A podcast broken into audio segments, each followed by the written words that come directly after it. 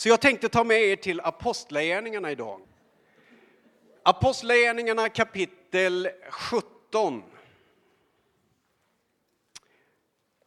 Eller åtminstone med glasögon. Vi ska se vilket kapitel det var. Jag bara skojar. Kapitel 12. Och så ska vi läsa ifrån vers 7 och några versar. Då ska vi flytta oss från Karlstad till Jerusalem. Det är innan påsk. Och han som håller i trådarna i Jerusalem, det är Herodes. Han och de judiska ledarna har helt plötsligt börjat skruva åt den unga kyrkan. Man har börjat förfölja ledarna för att de tror på Jesus Kristus. Och Herodes har precis huggit halsen eller huvudet av Jakob, en av ledarna. Han kunde konstatera att när han gjorde det så var det vissa grupper i samhället som tyckte att det var bra och han plockade billiga politiska poäng. Därför tänkte han, om jag tar några fler kristna ledare så kanske jag stärker min position. Därför jagar han efter Petrus, lärjungen som vi har läst om i så många sammanhang i Nya testamentet. Han plockar in honom och han bestämmer sig för att jag ska ta livet av Petrus också. För att han var en dålig människa? Nej, bara för att han skulle stärka sin egen position och för att några ledare skulle bli nöjda. Problemet är att det är påsk snart. Och Herodes tänker, det blir inte bra att börja påsken med en avrättning, utan jag väntar till efter påsk. Så jag fängslar Petrus så länge. Men han hade försökt att fängsla apostlar och kristna ledare innan, men det är problematiskt, för de har tagit sig ut ur fängelset gång på gång. Så den här gången så står han Petrus i bojor till armar och ben med soldater på varje sida och så sätter han olika grupper av soldater utanför dörrarna och så stänger han den stora järnporten. 16 soldater vakar nu över Petrus så att han inte ska fly. Jakob är död. Petrus är fängslad. Och i kyrkan så bestämmer man sig då för vi måste be. Och så står det att de ropar till Gud. I den stunden kommer vi in i texten. Och då läser jag följande. Och jag läser i en översättning som heter Nu-bibeln. Då fylldes cellen plötsligt av ljus och en ängel från Herren stod där. Ängeln stötte Petrus i sidan och väckte honom och sa Res dig upp snabbt. I samma stund föll kedjorna från Petrus händer. Ängeln fortsatte Ta på dig bältet och sandalerna. Och när Petrus gjorde det så sa ängeln Svep nu om dig manteln och följ mig. Petrus, han följde med ängeln ut. Men han förstod inte att det som ängeln gjorde var något som hände i verkligheten. Han trodde att det var en syn. De passerade först en vaktpost, sedan en till och var till slut framme vid järnporten som ledde ut mot staden. Där öppnade sig porten för dem alldeles av sig själv. Det var bara att gå rakt ut. Och sedan de gått ned för gatan en bit, ja, då var ängen plötsligt helt borta. Ska vi be en bön tillsammans innan jag fortsätter? Far i himmelen så tackar dig för förmånen att få komma på gudstjänst. Du vet att vi kommer från olika håll, olika bakgrund. Någon är glad, någon är sorgsen, någon har ont och någon annan känner bara tacksamhet. Men nu ber jag Herre att jag under de här minuterna skulle få tala, ledd av din Ande, så att det blir till nytta för dem som lyssnar. Tack att du kan tala uppmuntrande och stärkande för det som ligger framför. I Jesu namn. Amen. När jag läser min bibel så läser jag ofta på åtminstone två sätt. Jag läser Bibeln som en historisk skildring av någonting som faktiskt har hänt. Berättelsen beskriver en faktisk händelse så som den skedde i Jerusalem för ett antal år sedan. Men jag läser också Bibeln på ett sådant sätt så att det som står i historiebeskrivningen också är någonting som jag kan lära av idag. Det vill säga, jag tror att det som hände då också kan hända nu. Därför är det jätteintressant att läsa hur Gud har gjort i historien. För jag tror att Gud kan göra likadant idag. Så när jag läser den här berättelsen så tänker jag å ena sidan hur det kunde ha sett ut och hur det hände då. Och då är det jättebra med fantasi så att man kan se det som en film liksom i huvudet. Men sen översätter jag det också till min situation. Därför tänkte jag dra några sådana slutsatser och funderingar som jag har när jag läser den här texten. När jag läser så ser jag några små detaljer som fångar min uppmärksamhet. Här ligger nu Petrus fängslad i fängelsehålan. Är det rättvist? Nej, inte någonstans. Livet är inte speciellt rättvist. Det vet du och jag som är människor. Ena dagen så kan det vara rätt så drägligt för att i nästa sekund så svartnar allt och det blir jobbigt. Och ibland är vi helt oskyldiga. Ibland får vi betala priset för något dumt som vi har gjort, men i det här fallet så är Petrus helt oskyldig. Han har bara en personlig tro på Jesus och det är därför han nu finns i fängelset. Han ligger fängslad, han ligger i bojor mellan två soldater och i det sammanhanget så kommer en ängel. Det är ju inte det stora utan det som fångar min uppmärksamhet det är vad ängeln säger. Ängeln kommer fram och så står det i texten att han stöter till Petrus i sidan. Och då tänker jag så här, undrar hur han gjorde. Tar han liksom och sparkar honom lite i sidan? Eller vad innebär det när han säger stöter honom? Är han lite försiktig och klappar honom på kinden och viskar? Eller hur gick det till? Sådana saker tänker jag på när jag läser Bibeln. Men det står i alla fall att han stöter honom i sidan och så säger han till Petrus, ställ dig upp. Och så kommer det intressanta, skynda dig. Det är bråttom. Och då tänker jag, varför står det att det är bråttom? Eller som det står i någon översättning, skynda dig. Har Gud någonsin haft bråttom? Ja, men nog är det lite intressant. Helt plötsligt står det i texten att när ängeln kommer så är ju liksom Petrus mitt i fiendens håla. Han ligger fängslad. Och så kommer ängeln in. Om han ville vara diskret så hade han ju släckt ljuset, men det står ju att det blir helt ljust.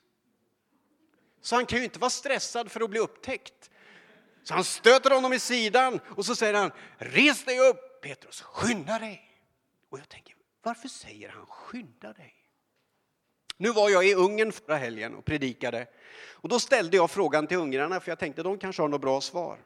Och så drog jag några av mina tankar. Min första tanke är som så här.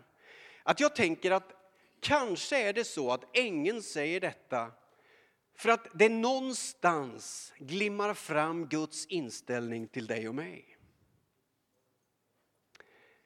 Du som har barn eller har någon som du älskar du vet att när man ska ge ett paket eller en present så är det fantastiskt roligt. Att planera och finura ut liksom, jag vet, de önskar det här. Det är det bästa de vet, eller det här. Och så köper man det och så slår man in det i ett paket och så känner man den där glädjen och pirret över att snart är det dags att gå in och sjunga och gratta och överlämna denna fina gåva som jag vet de kommer bli så glada för då har man ju den här känslan att när man överlämnar gåvan då vill man ju att den som får gåvan liksom ska sträcka sig fram med förväntan i blicken och säga tack. Och sen blir man ju så här, att man liksom, kom igen då, skynda dig, öppna. Nu har ju jag trötta tonåringar, så man är ju inne på morgonen och då får man ju det här. Åh, tack. Jag ska snart öppna och du vet, jag blir tokig.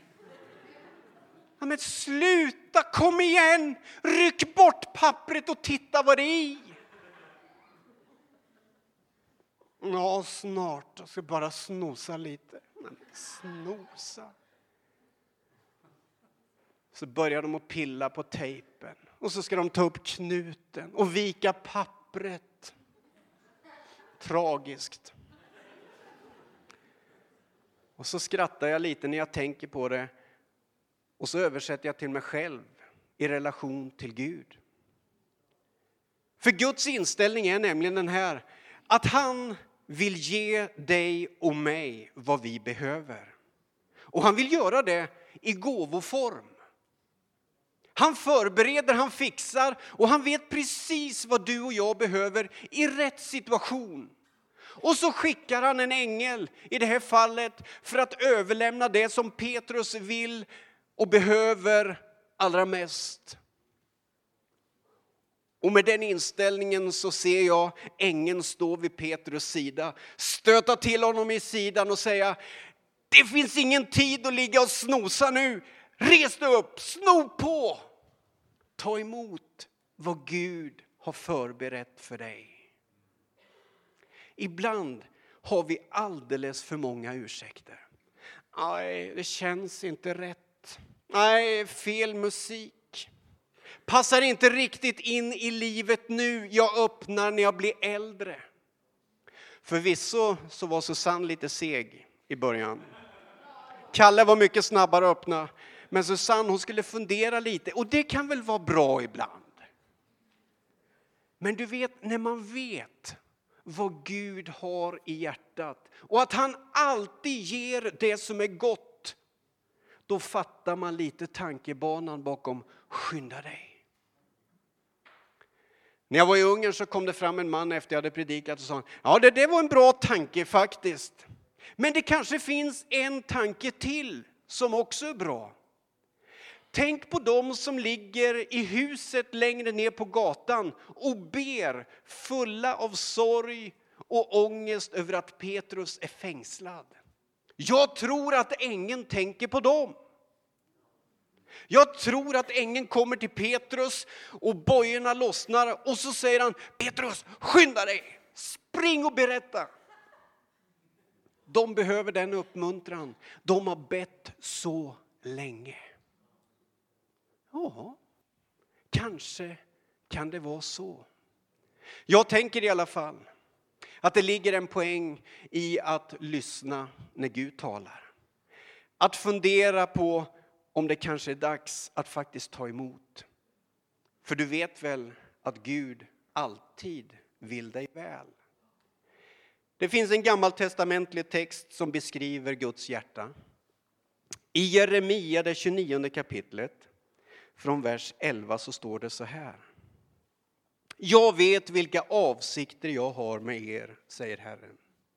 Välgång, inte olycka. Jag vill ge er en framtid och ett hopp. När ni åkallar mig och ber till mig ska jag lyssna på er. När ni söker mig skall ni finna mig. Ja, om ni helhjärtat söker efter mig. Du vet, Gud är inte ute efter att straffa någon. Gud är inte ute efter att trycka ner dig och mig. Han är alltid ute efter ditt och mitt hjärta, för han vill ge oss det bästa som finns. Och han känner oss bättre än någon annan. Han vet därför vad du och jag behöver.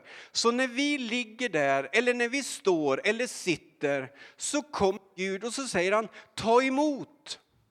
Så är lärdomen att gör det. Ta emot så fort du kan.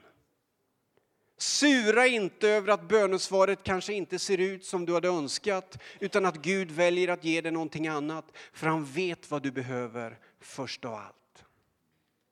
Ta emot. Sen fortsätter textbeskrivningen i fängelset. När han har väckt Petrus, när han får honom på fötter, så börjar en intressant dialog. Då säger han nämligen till Petrus när han har ställt sig upp. Det är bra Petrus, ta nu på dig sandalerna. Ja, ja, ja. Petrus tar på sig sandalerna. När han har tagit på sig sandalerna säger ängeln, ja, ja, ja, ta på dig livremmen också. Ja, ja, säger Petrus. Så tar han på sig livremmen. Nej, nej, nej, nej, nej. manteln också. Och jag tänker som så här, vad är det som händer nu då?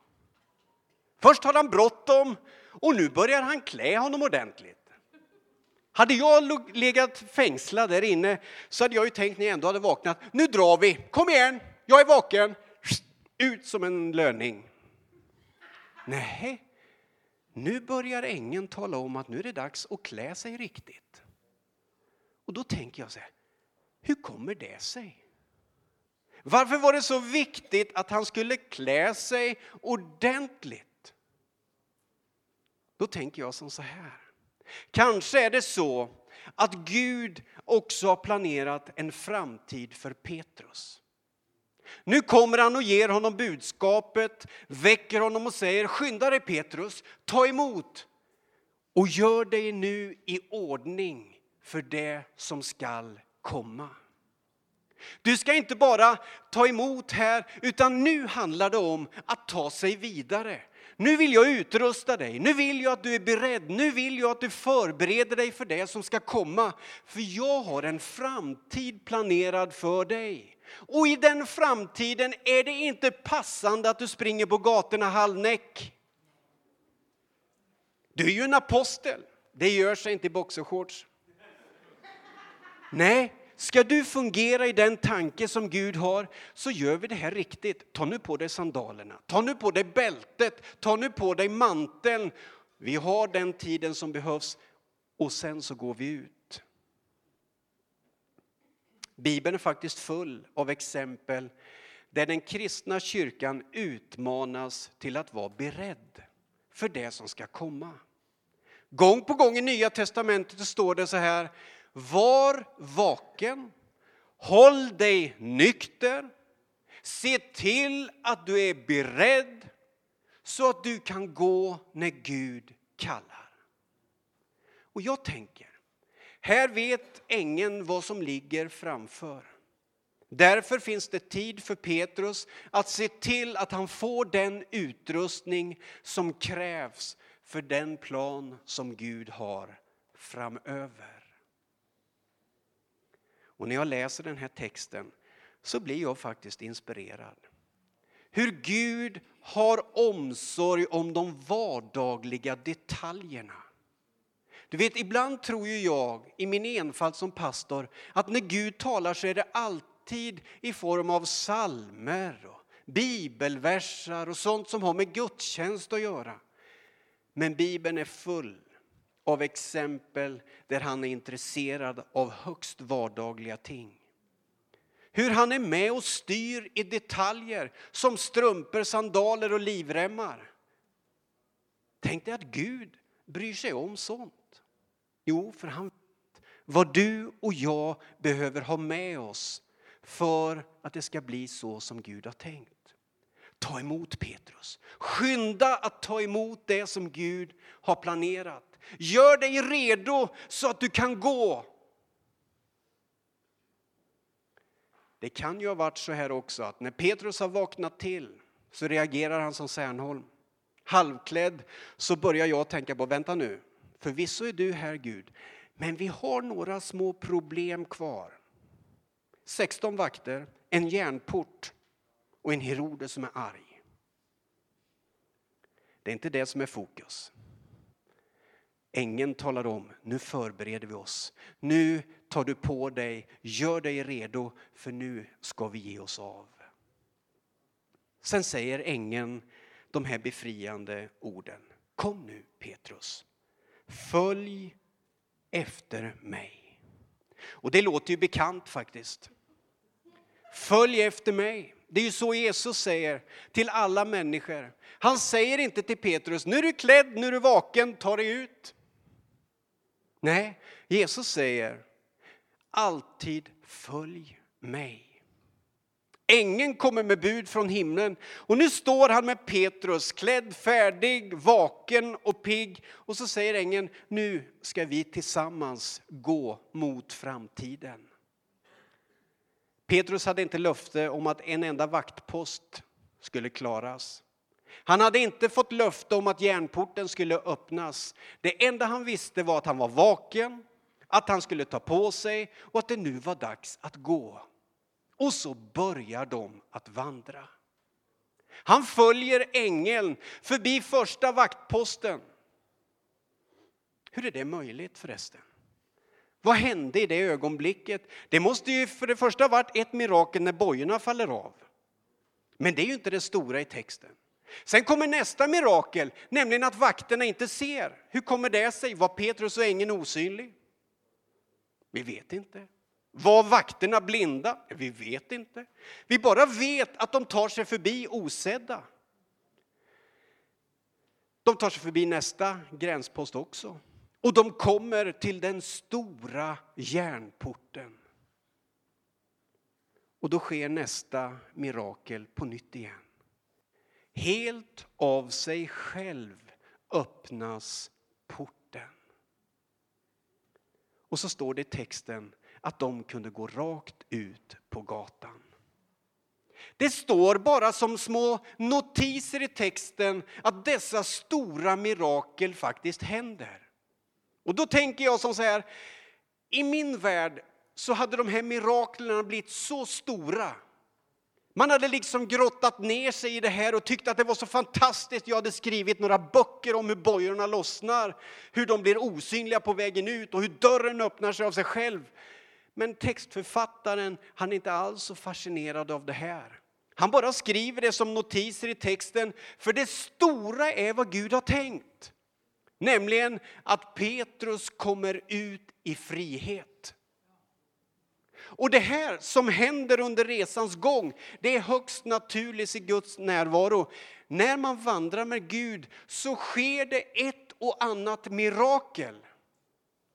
Vi behöver inte be och tillbe själva miraklet. Vi behöver inte skapa några altaren för att liksom skapa någon uppståndelse runt detta. Vi kan bara konstatera att när vi vågar lyssna på Guds röst och ta emot det som han har att ge och vågar följa när han säger kom, så brukar det också ske både små och stora under under resans gång. Men det är inte miraklet som är det stora. Det är det som Gud har gett och planerat för oss. Petrus kommer ut i frihet. Det är det hela kristna tron handlar om. Han har en plan för dig och mig. En plan som bygger på frihet, liv och gemenskap. När Jesus kom till synagogan i Lukas evangeliet och rullar upp en av profetböckerna för att läsa ett textavsnitt så är det det textavsnittet som beskriver hans uppdrag. Varför kom Jesus till den här världen? Jo, så här står det. Herrens ande är över mig. Ty han har smort mig till att frambära ett glädjebud för de fattiga. Han har sänt mig att förkunna befrielse för de fångna och syn för de blinda och ge de förtryckta frihet. Det var därför Jesus kom. Så länge har jag nu levt så att jag vet att det är lätt att bli fången i livet. Ibland förtjänar man det, ibland är det orättvist. Historien kan hålla mig fången, andras ord kan hålla mig fången. Och jag lever i en begränsad frihet, kanske också en lögn. Där någon har uttalat någonting över mig som gör att jag inte kan bli det jag är tänkt att vara. Allt för många människor har upplevt detta. Allt för många människor har upplevt att man har hamnat i en position där livet begränsas och jag känner att det borde finnas någonting mer. Då sänder Gud sin son. Han sänder sina änglar, han använder människor, han använder Bibeln. Han gör allt för att kommunicera till dig och mig. Och så säger han, vakna! Gud har något vackert att ge dig och han vill dig bara väl. Du behöver inte längre vara fången. Res dig upp, våga ta emot det jag har att ge och följ mig. Nu ska vi två börja vandra och under denna vandring ska du få allt vad du behöver. Bördan ska inte bli dig övermäktig. Och så kommer Petrus ut i frihet. Och så kom jag ut i frihet. Var livets problem över för det? Nej, men tillsammans med Gud har jag fått se både ett och annat mirakel. Och en sak är säker, Gud är god. Även om livet är orättvist. Ska vi be tillsammans? Herre, så tackar jag dig för att du är precis lika god idag som du var då. Samma omsorg som du hade om Petrus, det har du om oss. När vi kan uppleva livet som mörkt och snärjigt, då ser du oss. När det krånglar till sig, då finns du vid vår sida. Tack att du är intresserad av hur vi har det. Nu ber jag Herre om att din kraft skulle få drabba varenda en. Det kanske finns någon den här eftermiddagen som behöver ta emot dig till frälsning. Det är kanske någon som behöver öppna sitt hjärta och säga Jesus, du är välkommen in i mitt liv. Jag vill att du berör mig och ger mig det som jag behöver allra mest. Kom mig nära Jesus. Amen.